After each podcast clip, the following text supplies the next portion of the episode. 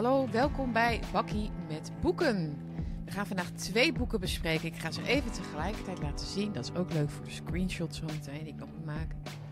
Kijken of ik hem zo... Heb ik hem in beeld of niet? Het is een beetje een andere, ander programma. Nee, ja, ik zal hem wel even anders laten zien. Op een andere manier. We gaan het hebben over Free Your Mind van Laura Dodsworth en Patrick Fagan. En Reframe Your Brain van Scott Adams. En Scott Adams is jullie denk ik wel bekend. De cartoonist van Dilbert heeft ook een ochtendshow uh, waarin hij nieuws, actualiteiten bespreekt. Met koffie ook, inderdaad. Maar wel vijf keer in de week. Respect. Um, maar hij schrijft dus ook boeken inderdaad over persuasion, over mentale weerbaarheid. En hoe je gelukkiger en succesvoller kunt worden. En natuurlijk zijn dit alle twee boeken uit het genre van de zelfhulp. Dus even een uh, warning, warning. En het is ook allebei in het Engels. Dus het is niet literatuur wat we vandaag gaan bespreken. Het is een lectuur, de zelfhulp. Um, een genre waar je volgens mij meestal om heel uh, met een grote boog omheen moet lopen. Omdat het net als elke industrie ook vooral erop uit is om je in onzekerheid en twijfel te houden. En niet per se je te, te helpen met je verder te helpen met, met, met je leven. Want dat is misschien de kern van deze bespreking. Want wat is zelfhulp inderdaad vaak? Het uh, leren dat je begrijpt waarom je bepaalde dingen doet in je leven. Waarom dingen niet werken. Je krijgt allerlei voorbeelden van mensen die het wel is gelukt. Of het nou over carrière gaat, of over liefde, of sport, of over je gezondheid. Um, en tijdens het lezen raak je helemaal vol van allerlei. Van, van de gevoelens dat je het nu begrijpt. En dan daarna, dan ebt dat eigenlijk weg met het eerste feestje waar je weer te veel eet. Of uh, nou ja, dus val je weer terug eigenlijk gewoon in oud gedrag. En realiseer je als het goed is dat die boeken en natuurlijk vooral voor de leeservaring zijn. En niet per se voor de life-changing experience uitzonderingen daar gelaten hoor. Er zijn heel veel goede zelfhulpboeken op de markt. Um, maar, dus het gevoel uh, is dan vaak belangrijk. Ik vond dus bij Reframe Your Brain van Scott Adams dat dit echt meer naar de praktische kant gaat. En dat ook benoemt van waarom je dus vaak niet uh, werkelijk doet wat je gelooft. Of waarom je dus blijft hangen in gedachtes. En waarom gedachten eigenlijk veel belangrijker zijn voor de output zeg maar, van je gedrag dan wij denken. Um, dus het is niet willen, ik wil heel graag iets, maar het is echt je gedachten veranderen over iets. Maar voordat we gaan beginnen, vergeet niet te abonneren op dit kanaal als jij vaker uitzendingen wil zien en een notificatie wil krijgen wanneer ze weer komen. En like deze uitzending als je hem leuk vond. Deel hem ook met anderen. Daarmee help je mij enorm voor de zichtbaarheid, voor het groeien van mijn kanaal. Je kunt me ook heel erg helpen als je hieronder een donatie doet via de linkjes die hier staan. En dank aan iedereen die dat heeft gedaan. Ik waardeer dat enorm. En het is ook nodig om te kunnen blijven doorgaan hiermee. Dus ontzettend bedankt. Andere linkjes staan hier ook onder, onder, waaronder naar mijn website waar je kunt inschrijven voor de nieuwsbrief en het adres van mijn postbus, postbus 189 1200 Anton Dirk in Hilversum. Want post vinden we bij Bakkie ook heel erg leuk. Het idee van Bakkie met boeken is dus dat je mee kunt lezen, maar dat hoeft niet. Het is ook iets wat ik je een beetje uit handen neem juist. Hè. Dus uh, als je geen tijd hebt om te lezen of je denkt, nou, ik weet het niet uh, wat dat allemaal is en ik hoor het wel, dan, dan kan ik het dus even voor je samenvatten en bespreken. Uh, en misschien word je, vind je het wel leuk om het alsnog te lezen. Ik word dus niet gesponsord of wat dan ook door de auteurs of om, om dit te verkopen. Dat wil ik even bijgezegd hebben. Uh, dus het is puur een uh, selectie die ik zelf maak. Alle boeken die ik selecteer, ja, dat, daar kies ik dus zelf voor. Dat, dat mag duidelijk zijn. Free Your Mind is, um, even een belangrijk punt wat ik meteen wil maken, is meer een boek wat geschikt is voor de beginner, de, de beginnende vrijdenker, zou je kunnen zeggen. Um, met all respect. Hè. Je zou zeggen, waar ben je geweest al die jaren? Maar het is iets om toe te juichen, denk ik, dat steeds meer mensen bedenkingen krijgen bij de mainstream media, eh, media in het algemeen. Um, want je moet eigenlijk alle media natuurlijk wantrouwen. Niet van, oh, het is mijn politieke kant, dus is het allemaal goed. Nee. Uh, maar het is natuurlijk vooral de mainstream media waar mensen langzaam aan de afgelopen jaren steeds meer uit los weten te komen. Als een soort zichzelf weten los te snijden eigenlijk van hun touwen en hun kettingen. En uh, ontdekken dat er een hele nieuwe wereld is waarin niet alles zwart-wit is en niet alles anti-Trump is en anti-Rusland is en anti of, voor klimaat. En nou, je kent alle thema's en narratieven. En dat is dus toe, te juichen, dat is goed. Uh, maar je moet je voorstellen dat je dat er nog heel hoop werk bij komt. Ik zeg dit omdat ik dat zelf ook heb gedaan. Het is ook je afvragen wat is echt, wat is niet echt. Uh, hoe hou ik mijn hoofd? Um, hoe blijf ik open-minded, zeg maar, voor alle mogelijke verklaringen? Uh, en hoe how do I keep my shit together, zeg maar? Hoe word ik niet gek in deze gekke wereld? Um, want niet alles hè, is natuurlijk nep en fake, maar, wat, maar heel veel dingen wel. Dus je moet jezelf bevrijden, denk ik, van instituten, van narratieven. Zeker als die van de overheid komen, zeker als die van de media komen. Alle partijen die hele grote belangen hebben bij jouw onvrije mind, bij jouw onvrije geest. Die hebben belang erbij. Waarom? Heel simpel, is niet complotterig. Omdat jij dan op een bepaalde manier gaat stemmen. Omdat jij dan op een bepaalde manier gaat consumeren. Omdat jij op een bepaalde manier tevreden blijft, min of meer, niet in opstand zal komen tegen de macht op dat moment. En dat is in het belang van een hele grote, hogere elite, een klasse. En dat is al zo oud als de mensheid. En dat is verfijnd natuurlijk, die praktijk in deze 21ste eeuw. Met alle technieken die er zijn. Ehm, al, niet, het is niet alleen maar dat er, we natuurlijk internet hebben en dat mensen heel veel in contact staan met externe bronnen maar ook omdat de psychologie ver gevorderd is in het bespelen van mensen. We kennen bijvoorbeeld uh, uit de jaren negentig kennen we de, de, de, de Biederman Chart of Coercion bijvoorbeeld. In de jaren negentig had Amnesty al erkend dat er in oorlogsgebieden, maar ook daarbuiten, dus bepaalde technieken waren om mensen psychologisch eigenlijk eronder te krijgen. Dus mensen klein te krijgen via methodes. En niet alleen maar dus opsluiten, isoleercel, licht uit, um, geen tijdsbesef, controleverlies. Maar ook het, gewoon het verdraaien van bepaalde dingen. Het, onder, het ondersteboven keren van de werkelijkheid, wat we allemaal hebben gezien. Uh, veel verfijndere technieken eigenlijk, die, die je niet op het eerste oog eigenlijk kunt zien met het eerste oog kunt zien. Het is eh, verborgen. Zoals een goochelaar zijn truc ook verbergt.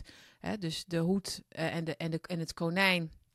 We zien allemaal wel ongeveer hoe, hoe ze het doen, maar niet helemaal. Het is, het is, het is wel het is verborgen. En ineens is dat konijn er vaak ook. En hoe, waar kwam het nou weer vandaan? Dus het is ook vaak uh, je staat elke keer weer voor een verrassing. Ook mensen die de trucjes begrijpen. Overigens, het voorbeeld van de goochelaar wordt ook genoemd in het boek Free Your Mind.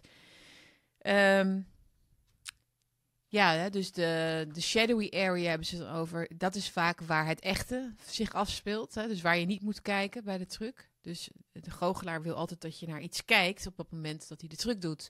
De illuminated area, zeg maar. Dus waar het licht op staat gericht, bewijzen van. En daar kijk je naar, maar ondertussen is de truc ergens anders aan de hand. En dat is precies eigenlijk wat, hij wat ze bedoelen in het werk met de covert, de covert operation. Ik zal heel even één stukje daarvan noemen. Um, kijk hoor.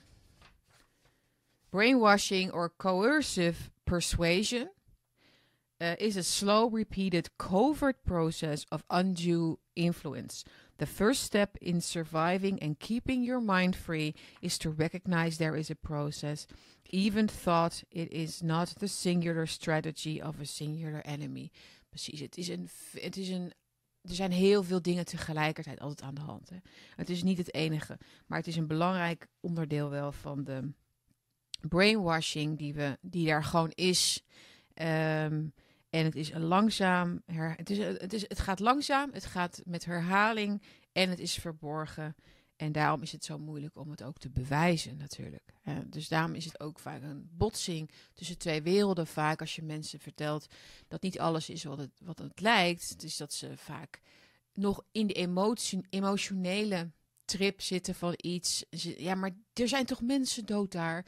Uh, dat is met Oekraïne natuurlijk ook gedaan. En met klimaat proberen ze ook heel erg op emoties mensen klem te zetten, zodat ze niet meer kunnen beseffen of uh, vermoeden dat er misschien wel gewoon hele kille zakelijke belangen zitten achter de klimaatindustrie en agenda.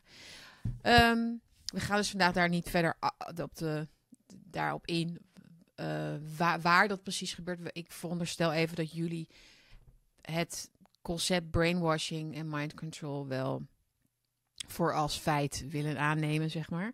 Dat dat gebeurt. De, de vraag is natuurlijk even in welke mate. Maar ik denk dat het heel, heel erg uh, offensive is. Dus heel aanvallend is op dit moment. Ehm, en waar ze ook boek, het boek mee beginnen, is dat je voordat je je schoenen aantrekt, zeggen ze in het boek, s ochtends ben je al 20.000 keer beïnvloed door, door externe bronnen. Nou, dat zal niet, dat zal misschien een grapje zijn, denk ik. Maar dat, er, er zijn zoveel um, dingen die op jou inwerken, natuurlijk. Van het moment dat je de radio aanzet, de tv aanzet, het nou ja, op je werk verschijnt, in de auto, in de file, de billboards. Alles heeft meteen een effect. Um, ja, en wat je natuurlijk als lezer wil in dit werk, is weten wat je er dan vervolgens mee moet. Want dit is wel, veel hoofdstukken zijn wel min of meer open deuren. Hè? Dus uh, het gaat ook over dat je de tv moet uitzetten, bijvoorbeeld. Dat je symbolen moet leren herkennen. Ja, oké. Dat je sceptisch moet zijn van Big Brother. Sceptisch, lijkt me ook logisch. Um, ja, dat je dingen moet opschrijven die je voelt en meemaakt. Hè. Dat is dat het onderdeel van dat je een beetje verwerkt en een beetje bij jezelf blijft. Oké, prima. Maar het is nergens in het boek dat ik echt uh, ja, werd verrast eigenlijk door een nieuwe benadering of iets waardoor ik dacht, ja, maar hiermee kun je ze echt de pas afsnijden of hiermee kan ik die brainwashing ook duidelijk maken aan andere mensen of hiermee kan ik hem in mijn voordeel ombuigen of kan ik dat allemaal niet. Dit is, dit is echt een werk dus voor beginnender, beginnende uh, vrijdenkers, wat ik al zei, die echt willen, die, die naar de bronnen willen, die willen weten of het waar is. En ze geven gelukkig heel veel voorbeelden in dit boek van en bewijzen dus uh, van dat het gebeurt. Ze zeggen drie dingen eigenlijk. Je moet het begrijpen, je moet je voorbereiden. Dus in elke situatie waarin je terecht kan komen, waarin er sprake is van brainwashing, kun je voorbereiden. Je eigen zwakheden moet je herkennen. Dus als je iemand bent die gevoelig is voor status of uh, ja, dat soort zaken, dan, dan uh, zal je misschien sneller in een val lopen dan iemand die uh, zich daar niet zo heel veel aan van aantrekt. Je moet zelfvertrouwen hebben, een bepaalde attitude, tegenwicht geven en zelfverantwoordelijkheid kennen en nemen in je leven. Dat zijn natuurlijke buffers, natuurlijke schilden tegen manipulatie en brainwashing. Het is natuurlijk wel zo, uh, dat denk ik, dat dacht ik ook aan toen ik dit weer las. Daar, helaas gaan ze daar niet echt op in, weet je wel. Waarom het sommige, mensen wel lukt en andere mensen niet lukt om hun mind free te houden van alles. En trouwens, free your mind is wel een betrekkelijk free. Niemand is volledig vrij. Een vrije geest is een illusie. Um, vrijheid is een illusie in die zin. We zijn allemaal op een bepaalde manier natuurlijk geprogrammeerd. Ook wij, iedereen. Uh, maar je kunt wel zoveel mogelijk vrijheid maken waar dat kan. Creëren in jezelf. Het besef is al het belangrijkste, denk ik. Maar dus de vraag waarom sommigen wel, sommigen niet. Uh, ze zeggen wel van ja, mensen die hoog opgeleid zijn, intelligente mensen, zijn doorgaans wel vaker juist gebrainwashed dan mensen die minder intelligent zijn of minder in, hoog opgeleid in ieder geval zijn. En dat heet dan de Cultural Mediation Hypothesis, noemen ze dat. Um, en dat is ook onderzocht natuurlijk. Uh, omdat het ja, uh, contra-intuïtief is. Hè? Je zou zeggen, hoe slimmer je bent, hoe beter je doorhebt dat iemand je probeert op te lichten. Hè? Want de overheid is in die zin natuurlijk een oplichter. Hè? Kijk, er is niks mis met mensen nudgen, zodat ze niet door rood licht gaan rijden of een, een um, hoe noemen we dat, een autogordel gaan dragen. Maar het nudge wat we nu doen is, is gewoon mensen uh, letterlijk iets laten doen wat tegen hun eigen belangen in is. Hè? Dus uh, zeg maar zichzelf in de armoede storten om een fictief klimaatprobleem op te lossen, uh, dan moet je heel, heel manipulatief en heel sluw zijn en um, heel veel macht hebben om, om dat te kunnen doen. Bij slimme mensen. Maar wa waarom lukt het ze om dat te doen? Dat heeft dus alles te maken met die cultural mediation hypothesis. Overheden, de machthebbers, laat ik het zo even noemen, want niet alle ambtenaren zitten zo. Hoe kan ik die persoon nou zover krijgen? Het is het systeem wat dit doet. Hè? Dus het is, zo is het systeem ingericht. Mensen een bepaalde kant op krijgen. Zoals zo oud als de mensheid dus slimme mensen, de mensen hoog opgeleid, zitten ook allemaal vaak op die posities. Ze hebben er alle belang bij om juist de hoogopgeleide universitaire klasse uh, te laten geloven in leugens. Uh, dus wat waar hebben ze heel, heel erg op ingewerkt al die jaren, al decennia denk ik, is vooral op het voordeel wat je hebt als je meedoet met de dominante norm.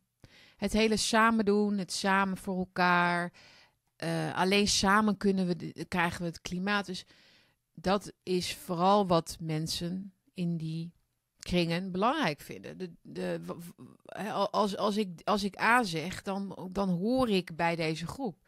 En dat is voor een uit evolutionair perspectief. Het is ook gewoon uh, over, ja, overlevingsdrang over een feit om bij de groep te kunnen horen. En dat is wat veel mensen als uh, motivatie hebben vaak om voor een bepaald verhaal te kiezen. Dus dat is, dat is denk ik uh, wel belangrijk. Dus free your mind uh, zien we vooral eigenlijk bij mensen die minder te verliezen hebben bij het sociale verhaal. Dus die zijn vaak al wat zelfstandiger, die zijn vaak al wat rebelser. En het klopt natuurlijk ook gewoon. Het klopt ook. Um, wat we om ons heen zien daarmee. Dus de theorie en de praktijk zijn redelijk, lopen redelijk synchroon.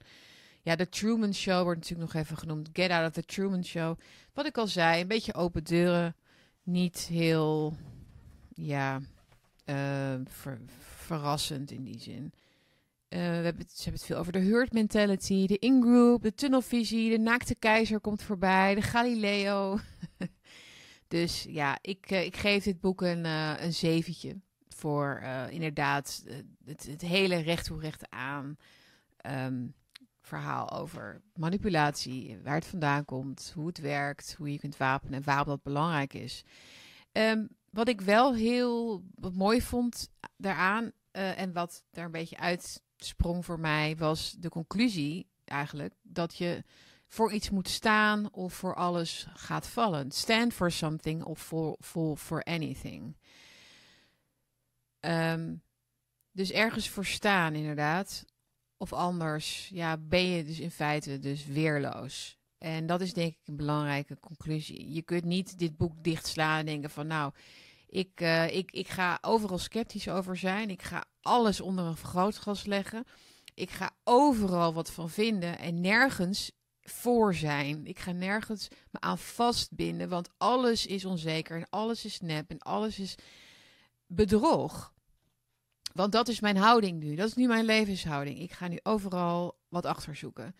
Ik denk dat ze dat met deze conclusie een beetje proberen ja, af te raden eigenlijk. Doe dat niet. Sta wel voor iets en omarm dat. Omarm wel iets in de werkelijkheid en ga daar niet als een, zoals ze het noemen, uh, als een, ga niet op een eiland zitten, hebben ze het over. Want uiteindelijk is zitten we allemaal op hetzelfde continent. Uh, dat sluit ook een beetje aan, denk ik, bij waar mijn vorige uitzending over ging. Mijn live pakkie was dat. Toen had ik het over Ernst Jongers The Forest uh, Passage. Ik had het volgens mij over de Passage. Ik weet niet waarom ik dat deed, maar het, was, is natuurlijk gewoon de, de Forest Passage.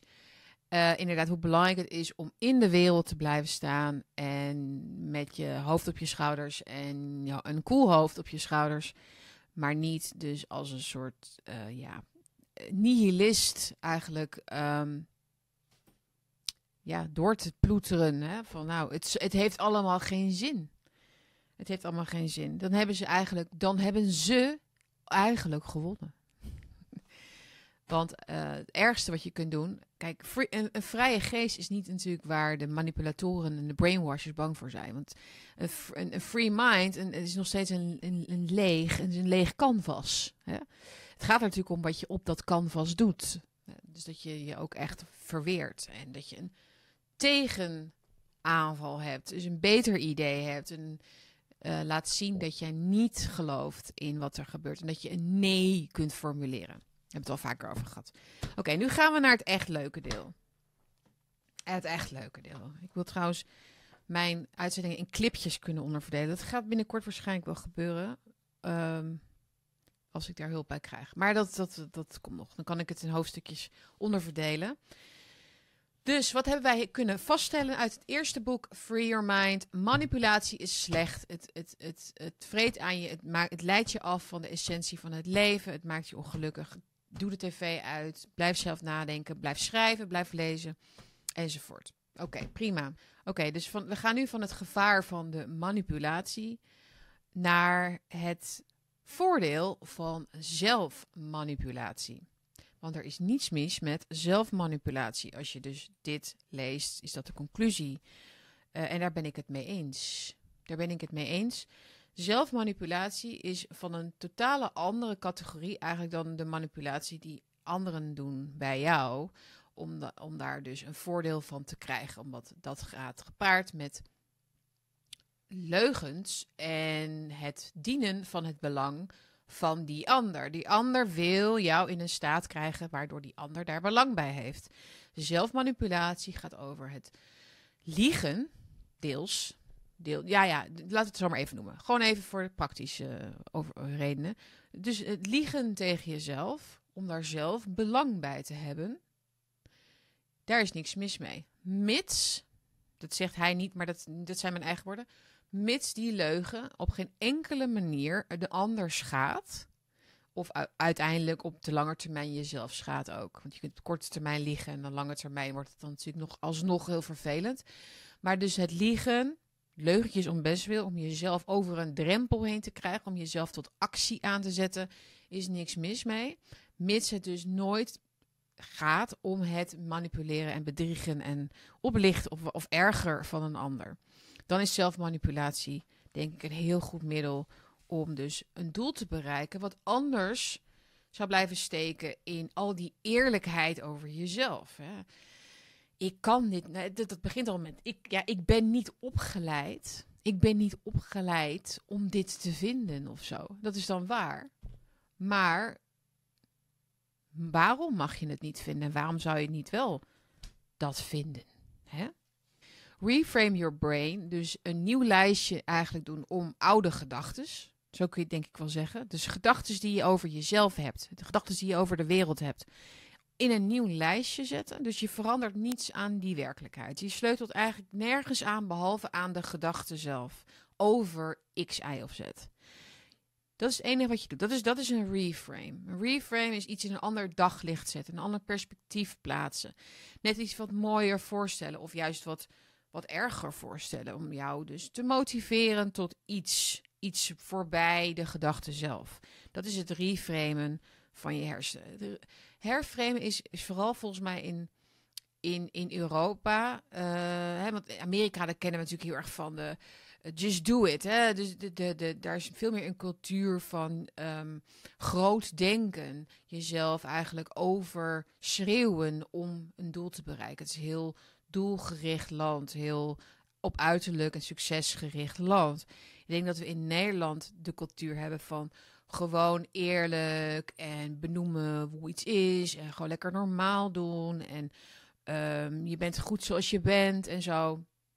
Ja, we hebben tegenwoordig al die modieuze dingen bijgekregen, jezelf zijn en zo. Maar het gaat even om hoe wij gewoon zijn doorgaans. Hè? Dus het is niet zo dat we heel erg in een, in fake it until you make it-achtige cultuur vibe zitten, zeg maar. Dat is niet eigen, Hollands eigen.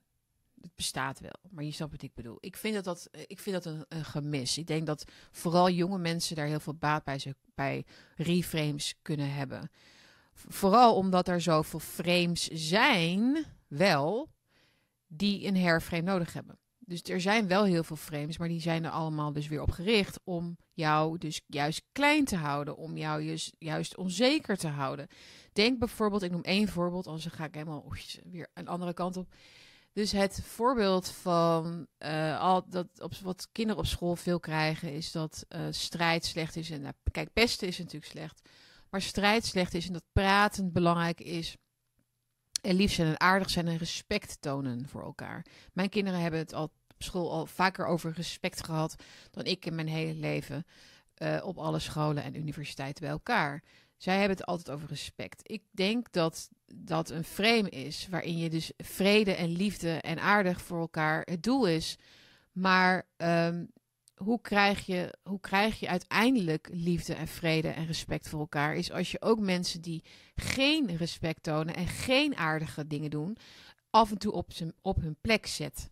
Dus dat is een gemiste kans. Je moet het herframen. Als wij inderdaad een samenleving willen zijn waarin wij liefde en respect en verbinding belangrijk vinden, dan is er ook ruimte voor het disqualificeren, het uh, even aan de kant zetten, aan schuiven van mensen die dat niet doen.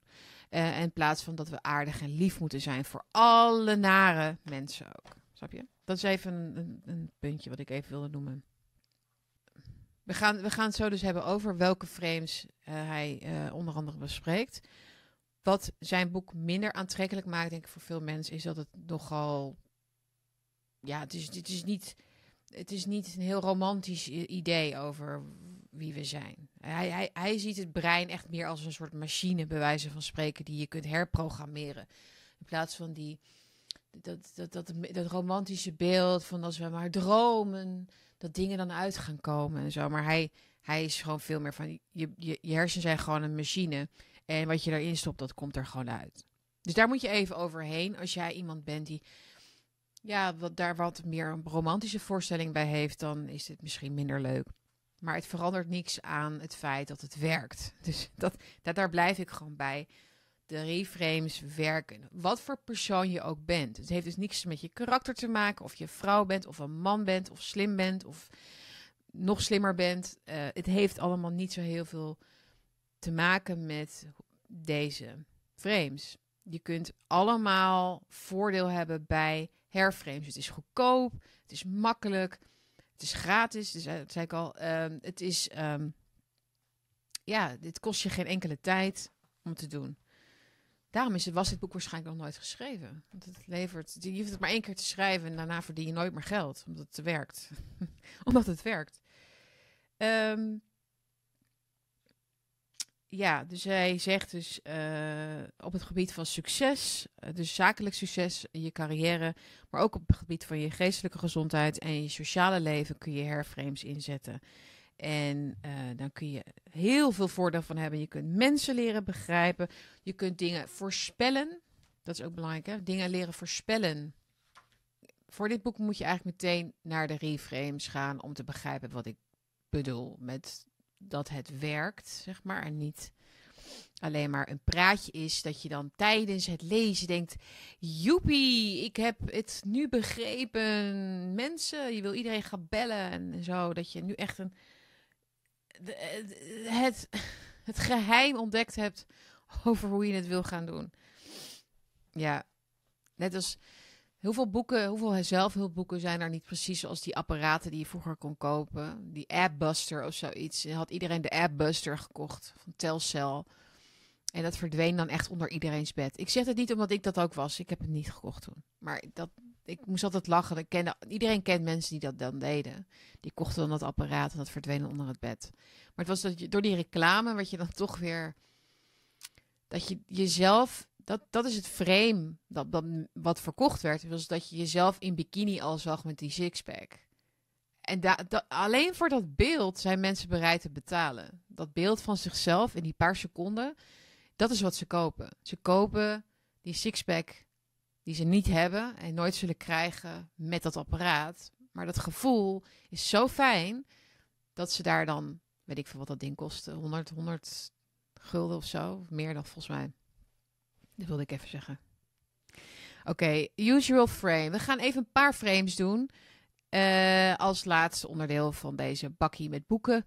Ehm, en ja, misschien heb je, al, eh, heb je er al wat aan, maar ik zou vooral dus aanraden om het werk zelf te lezen. Volgens mij is er ook een e-book inmiddels van deze, van deze editie. The Usual Frame. I want to do something. Reframe. I have decided to do something. Ja. Ja, maar Sietske, dat begrijpt toch iedereen wel? Je moet het gewoon doen. En je moet het niet willen. Ja, is dat zo? Ja, ja. Wat ik, wat ik net al zei, ik wil een sixpack. Ik wil een sixpack en ik ga dat apparaat kopen. En dan heb ik het gevoel, door het aanschaffen van het apparaat, dat ik iets doe. Hè, dat wordt dan bezorgd en dan heb ik dat in huis en dan ga ik dat doen. En dat doe ik dan één keer en dan doe ik het nooit meer. Of... En dan ga ik het gewoon begraven hè, in mijn hoofd, dat ik dat wilde verder. Totdat ik weer een keer bedenk dat ik het wil. Maar als je beslist om iets te doen, is dat al zo'n ander gevoel in je hoofd. Probeer je maar gewoon even voor te stellen als je, als je je ogen dicht doet. Het gevoel tussen willen en beslissen. Als je iets beslist, ontdoe je dat gevoel eigenlijk van een dieper verlangen. Dus je haalt het verlangen eigenlijk eruit. Het verlangen naar dat bepaalde gewicht, het verlangen naar die ene baan of dat succes of, of dat, die, die, die relatie met een mooie vrouw of een mooie man of zo. Dus je, dat verlangen daarna, daarnaar haal je er gewoon puur eigenlijk. Het, gaat even om het denken nu. Hè? Dat is wat, het enige wat we nu aan het doen zijn. Dus je denkt eraan dat je het wil. Maar je haalt nu door een kunstgreep, gewoon cosmetisch, haal je dat willen eruit. Het maakt helemaal niet uit of je het wil. Je gaat beslissen dat je die relatie gaat krijgen. Of dat je. De relatie is natuurlijk eh, nogal onzeker. Maar daar ga ik al. Hè. Dat is dus niet relevant, zou Scott Adams zeggen. Of het je lukt of niet. Je hebt gewoon besloten dat je de voorwaarden gaat scheppen voor, die, uh, voor, dat, voor dat doel. Ik heb besloten dat ik fit ga worden. Dan ga je dus elke dag sporten. Het is, niet, het is helemaal niet meer de vraag of je het wil. Het regent buiten. Je bent moe. Het maakt helemaal niet uit of je moe bent. Je gaat gewoon nu naar buiten. Dat is, dat is het verschil tussen het frame, ik wil iets en ik heb besloten. Iedereen, denk ik, die zo dit heeft gedaan, is, ook, is het ook gelukt om bepaalde dingen te bereiken. Ehm, ik ga iets sneller nu hoor. Aan board with life I am not embarrassing myself enough. Dus de, de frame is, ik, ik, ja, mijn, ik, mijn, mijn leven is saai. En hij zegt dan, ja, maar je, je, je zet je, je schaamt, ja, zeg dat? I'm not embarrassing. Ik, uh, ik vermijd eigenlijk alle schaamte gevoelens. Ik vermijd uh, alle onzekerheid.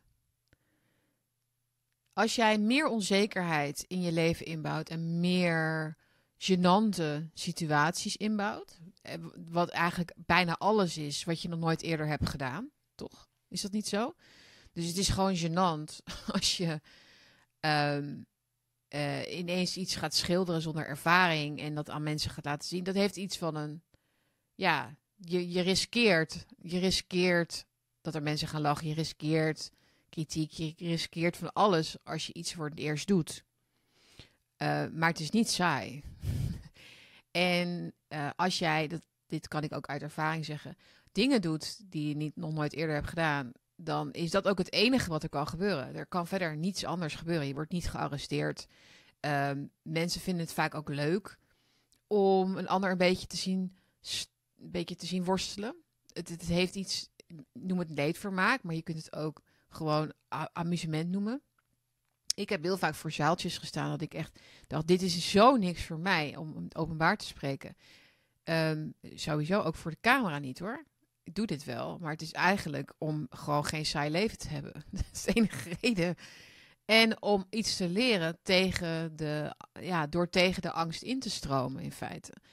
Omdat het het leven gewoon leuker maakt. Dus ik kan zeker beamen dat dit een hele goede um, antidote is voor een leven wat saai is. Doe iets waar wat gênant is en kijk wat er gebeurt. Succes require, requires setting goals is het derde frame wat ik bespreek hier. En dan zegt hij: Systems are better than goals. Dit is uh, zo waar als iets waar maar kan zijn. Zeg ik dat goed? Um, success requires setting goals. Nou ja, ik denk niet of dat niet. Dat eerste is niet per se onwaar, maar het tweede is in ieder geval meer waar. Uh, je hebt beter meer aan systemen dan aan uh, doelen zelf. Doelen zelf kunnen heel verlammend zijn. Het doel dat je zoveel op je bankrekening wil, of het doel.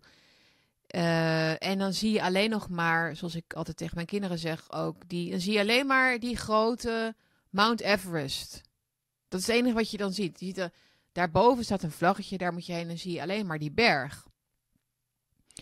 Um, dus ik zeg vaak thuis ook: zie je nu de berg of zullen we gewoon het paadje nemen, het eerste paadje wat we zien, en ongeveer weten wat de richting is. En dan kom je daar wel uit of niet. Maar je hebt in ieder geval de stappen gezet. Het is beter dan te blijven staan onderaan de berg.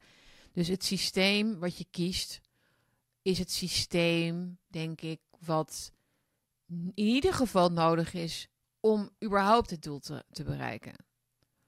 Dus als jouw doel is um, een eigen praktijk, een eigen advocatenpraktijk, dan zul je eerst studierechten moeten doen. Dan zul je daarna ook nog hè, um, bepaalde ondernemerskills moeten hebben. Je zal uh, moeten netwerken.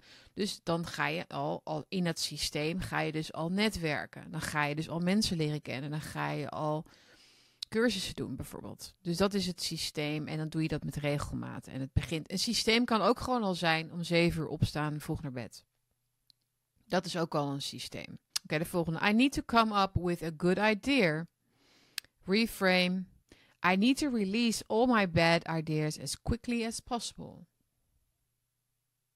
Oh ja, dit is. Um, joehoe, ik ben hier dus echt het levende voorbeeld van, denk ik ik moet een goed idee hebben. Dus als je elke week een column schrijft, zoals ik, dan wil je een idee. Maar ik vergeet dan vaak al dat ik tijdens de week al best wel veel ideeën heb. Alleen dan vergeet ik ze op te schrijven of dan is dat nieuwe idee wat ik dan heb verdrinkt dan weer dat oude idee en dan is dat dan weer dan dan zit ik dus ik zit maar dus te bouwen op oude ideeën. Terwijl wat ik natuurlijk eigenlijk moet doen is uh, uit die, al die ideeën, zeg maar, um, de slechte halen en dan blijft die ene over. Dus dat is. Um, dus je, je werkt wel al met ideeën die je hebt. En je gaat niet zitten wachten tot het beste idee komt. Want dat heb je toch al gehad. Nee, ik, weet niet of dat, of dat heel duidelijk is nu. Maar... Oh jongens, ja, be yourself. Be yourself. Hè? Uh, reframe, become a better version of yourself.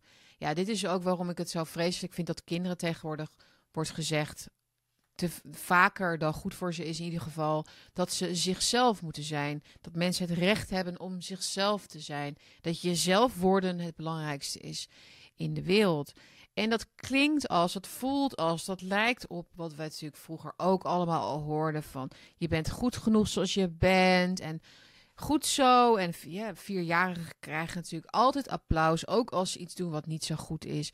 Het is wat wij dan noemen het bouwen aan kinderen, hun zelfvertrouwen, hun zelfbeeld. En daar bouw je op en dan kunnen ze later meer, dan kunnen ze zichzelf goed manifesteren, zoals het dan populair heet.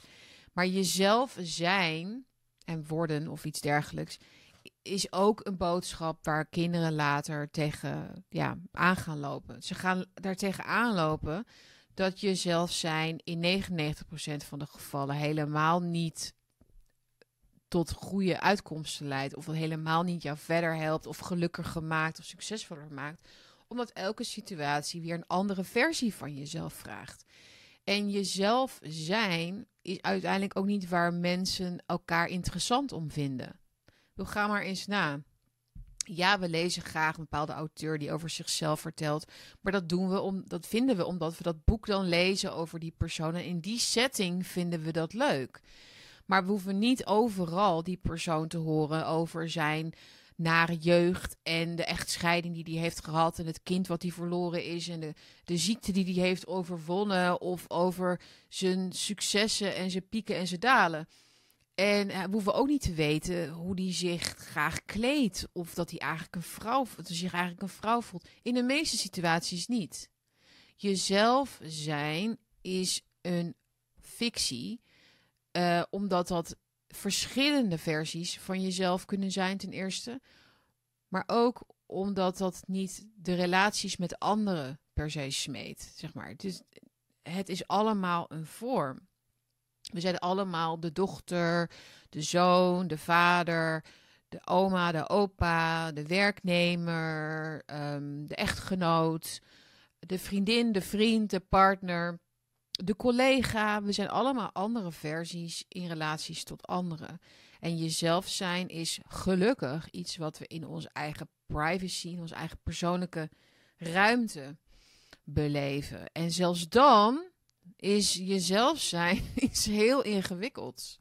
Ik ga even mezelf zijn nu hoor. Als ik nu mezelf zou zijn. En dit was een dit was spaarrood in plaats van water gewoon. Dan zou ik misschien een boer laten nu, toch? Dan zou ik gewoon een boer laten. Dan zou ik dan. En door ik dat dan zou, doordat ik dan die boer zou laten, dan zou ik mezelf beter voelen, omdat ik mezelf dan ben. Is dat zo? De boer is een metafoor, maar je begrijpt wat ik bedoel. Mezelf. En ook dat is niet mezelf. Wat is, mezelf, wat is dan jezelf zijn? Uh, ik, voel hier, ik voel een hele, ik voel een hele, een, een hele aparte uitzending hierover aankomen. Nee, maar de, dit, is zo, dit is zo belangrijk wat hij hier alleen al met dat frame, herframe, hier zegt. Is wees de beste versie van jezelf, maar niet wees jezelf. Uh, hoe zei hij het nou? Jezelf zijn is niet een working principle voor je leven. Hallo, ik kom hier werken en ik ben mezelf. Hmm, is dat wat een werkgever belangrijk vindt? Dat je vooral lekker jezelf kunt zijn?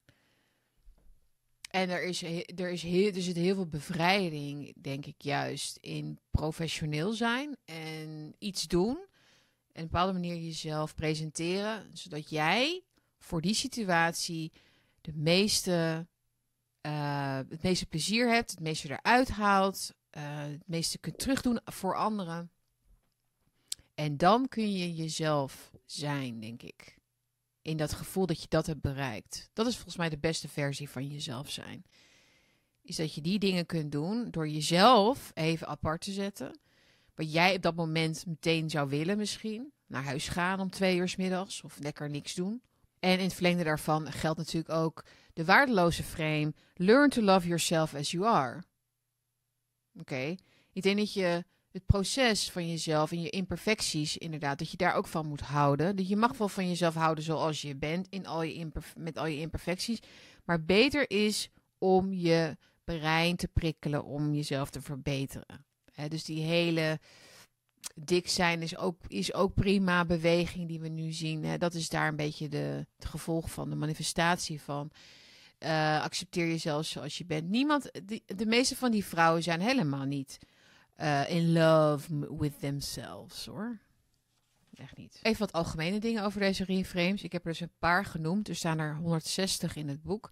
Dus op allerlei terreinen van het leven. Ik denk dat je er zeker minstens vijf, maar ik denk eigenlijk alle 160 wel kunt gebruiken. Om dus jezelf van het wensdenken af te helpen.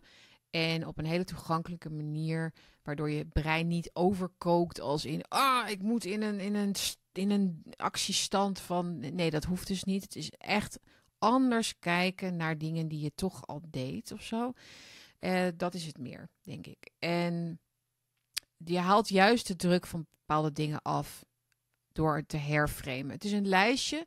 Dat is eigenlijk de vuistregel. Is, je doet een lijst om iets heen, waardoor gedachten voor je gaan werken in plaats van je eigenlijk sussen of juist in een vlucht- of angststand helpen verder. Uh, belangrijk daarbij, even algemeen, is dat die reframes dus allemaal veilig zijn. Dat is typisch Scott Adams. Hè? Ik ben geen dokter, ik ben niet. Dit, dit, maar dit is dus allemaal veilig. Uh, en het is even belangrijk ook, zegt hij, dat je niet emotioneel geïnvesteerd hoeft te zijn in het, in het frame. Uh, het hoeft ook niet waar te zijn wat je tegen jezelf zegt. Dat geeft helemaal niet. Het gaat erom dat het een gevoel oproept. Het gaat erom dat het een beweging in gang zet. It, they aren't necessarily true, but they work. Ja. Once you understand why that apparent contradiction can exist without any downside, you'll know how to make your own reframes. He, dus je kunt ook bouwen op dit boek. Je kunt zelf dus ook je eigen reframes gaan maken. Als je het echt begrijpt. En dat maakt het natuurlijk heel erg boeiend. Dus je hoeft niet andermans adviezen per se op te volgen. Maar je leert dus een manier van denken door dit boek. Goed, dit, dit, waren, dit waren slechts een paar reframes die ik bespreek in het boek met in totaal 160 reframes. Ik heb er heel veel aan gehad. Ik denk dat er voor iedereen heel veel bij zit. Um, en ja, ik zal ze ook wel vaker, denk ik, langs laten komen in columns of in andere uitzendingen, reframe. Omdat het zo belangrijk is om die macht bij jezelf te houden over hoe we omgaan en kijken naar deze tijd. Dat is even de algemene reframe. Hè? Dus uh, er is een manier om te kijken naar de gebeurtenissen en er is een herframe. En dat herframe mag best een beetje een leugentje om best wil zijn soms. Om je dus over die Mount Everest heen te gaan krijgen. Het pad te lopen zoals het nou eenmaal ook voor een deel voor ons is uitgehakt. Hoe zeg je dat? Uh, maar de kunst is natuurlijk om het, het leven zoveel mogelijk autonoom en uh, met je eigen invloed te leiden. En dat helpt en dat, dat helpt. Dat kan dus ook gewoon puur door gedachten. Puur door gedachten. En uh, dus dat wilde ik jullie nog even meegeven. Verder even een kleine disclaimer, want dat, daar is Scott Adams ook heel erg van. Dus die reframes zijn niet een vorm van zelfhypnose of zoiets. Al, al bouwt hij wel voort op hypnose technieken. Maar het is, het is een vorm van zelfhypnose, een vorm van zelfmanipulatie. Maar het is dus niet gevaarlijk. Het kan geen kwaad. Uh, gedachten kunnen natuurlijk nooit zo, zo kwaad. Maar hij wilde dat nog even bij zeggen, dus ik zeg het er ook nog even bij. Ze hoeven ook niet allemaal waar te zijn per se. Dus als je het gevoel hebt, ja, maar wat ik nu tegen mezelf zeg is helemaal niet waar. Dat is dus niet het punt. Het idee is om dat dus ook los te laten. Het hoeft niet waar te zijn wat je tegen jezelf zegt. Het gaat erom dat het werkt. Dat een positief resultaat uiteindelijk dan de uitkomst is. Waarbij dus met andere woorden niemand anders in een leugen betrekt. Of niemand anders kwaad doet of anderszins benadeeld. Dat wel. Het is dus echt puur alleen voor jezelf. En als het meezit en als het even kan, natuurlijk ook je omgeving helpt. als jij een leuker mens bent, is je omgeving daar natuurlijk ook blij mee. Dus reframe er lekker op los. Maak dat mooie lijstje om, om je leven heen. En dan uh, kan er eigenlijk al heel veel veranderen. Oké, dit, was, uh, dit was Bakkie met boeken. Ik hoop dat jullie een leuke uitzending vonden. Hieronder heb ik natuurlijk de linkjes uh, naar deze boeken, bestel ze natuurlijk vooral bij, als het eventueel kan, bij je lokale boekhandel. Uh, want wij zijn natuurlijk van het helpen van de boekhandels in Nederland. Maar als het niet kan, kun je ze ook natuurlijk online bestellen. Maar goed, uh, ja, dat. En bedankt voor het kijken. Vergeet niet te liken, te delen en te abonneren op het kanaal. Zoals ik het begin ook al zei. Post kun je sturen naar postbus 189 1200 Anton in Hilversum. En een donatie kun je doen via de linkjes hieronder. En ja, ik wens jullie een heel mooi weekend toe. En uh, tot bakkie en tot bakkie met boeken. Tot de volgende keer.